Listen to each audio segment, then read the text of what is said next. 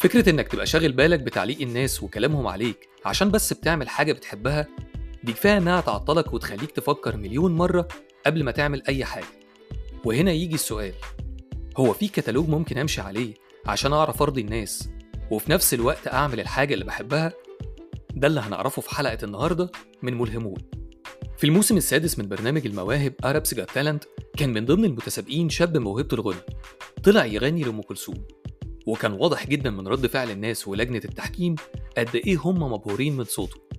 وكانت النتيجة فعلا إنه اتأهل للمرحلة اللي بعدها. وبعد ما شكرهم قال لهم ممكن أقول حاجة صغيرة؟ وهنا بدأت الحكاية. أحمد ياسر شاب عنده 24 سنة حلم حياته إنه يغني ويبقى مشهور. وعشان كده قدم في أرابس جات تالنت من حوالي 8 سنين. وكانت النتيجة إنه اترفض لأنه ما كانش لسه اتعلم الغنى.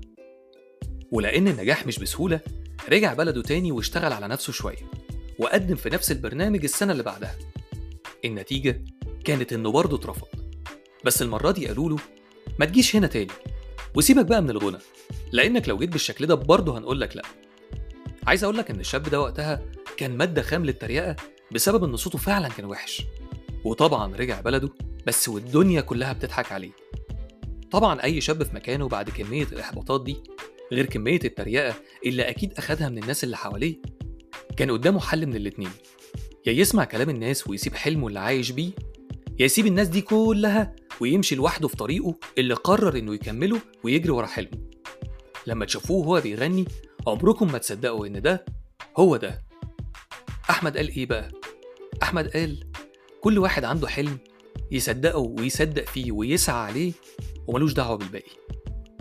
الحكاية مش حكاية شاب كان عايز يغني فغنى الحكاية حكاية واحد عنده حلم صدقه وصدق نفسه ومسك فيه وجري عليه لحد ما وصل له.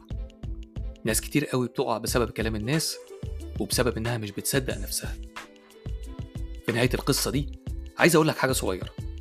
لو حاسس إنك بقالك كتير واقف مكانك مش مرتاح أنت محتاج تسأل نفسك سؤالين.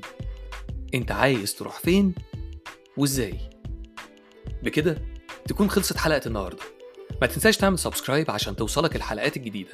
وكمان شاركنا أكتر قصة أثرت فيك وحفزتك عشان تسمعها المرة اللي جاية.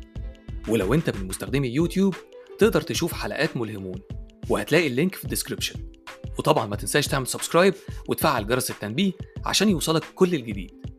كنت معاك محمد مشالي. استناني يوم السبت اللي جاي في نفس الميعاد وحلقة جديدة من بودكاست ملهمون.